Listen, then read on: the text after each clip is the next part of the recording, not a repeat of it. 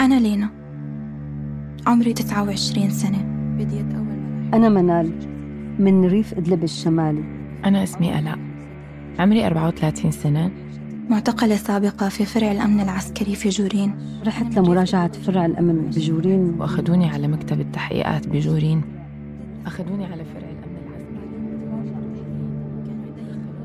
ناجيات من الاعتقال بيقدموا شهاداتهم حول الإتجار بأجسادهم بأحد السجون غير الرسمية بسوريا. وبيحكوا عن الانتهاكات الجنسية اللي تعرضوا لها بتفاصيل ما سبق وتوثقت من بداية الحرب. قال لعناصره يسكروا الباب. وطلعوا لبرا العناصر سكروا الباب علينا. هون أنا كنت بحالة خوف. وبترجاهم إنه بس يخلوني ألبس ثيابي. وإنه أتستر. فبيقول لي أخت المنشقين لازم نتحرش فيها ونعتدي عليها.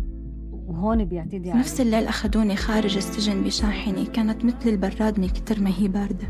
وأنا إيدي مربطين وعيوني مطمشين وتمي مسكر بقطعة قماش وهون بعرف. بعد أشهر من المتابعة والإقناع وافقت ثلاثة من السيدات الناجيات على تقديم شهاداتهم عن اللي تعرضوا له بجورين. قصف مدفعي من معسكر جورين يستهدف. بلدة قسطون في سهل غاب ريف حماه الغربي الأطراف الغربية لمحافظة حما سنوات 2014 و2015 معسكر جورين التابع للنظام السوري بيلعب دور استراتيجي بالحرب الدائرة. هون في ضابط أجمعت الناجيات على اسمه وأوصافه. لما كان عنده القدرة والنفوذ قرر يتصرف فيهم وكأنهم ملكيته الخاصة. بالوسائل المتاحة قدرنا نوصل للضابط المتورط ونواجهه.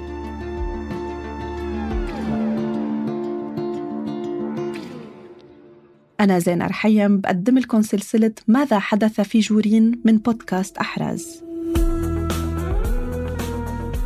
منسرد فيها وقائع الجريمة بالتفاصيل ومنضوي على جوانب مختلفة من تجربة الاعتقال بالسجون السورية بدءا بالانتهاكات الجنسية وأشكالها فرص المحاسبة والعدالة وحاجة المعتقلات للدعم والحماية بعد النجاة. أنتجت سلسلة ماذا حدث في جورين بالتعاون مع وحدة التحقيقات الاستقصائية سراج بودكاست أحراز من إنتاج صوت.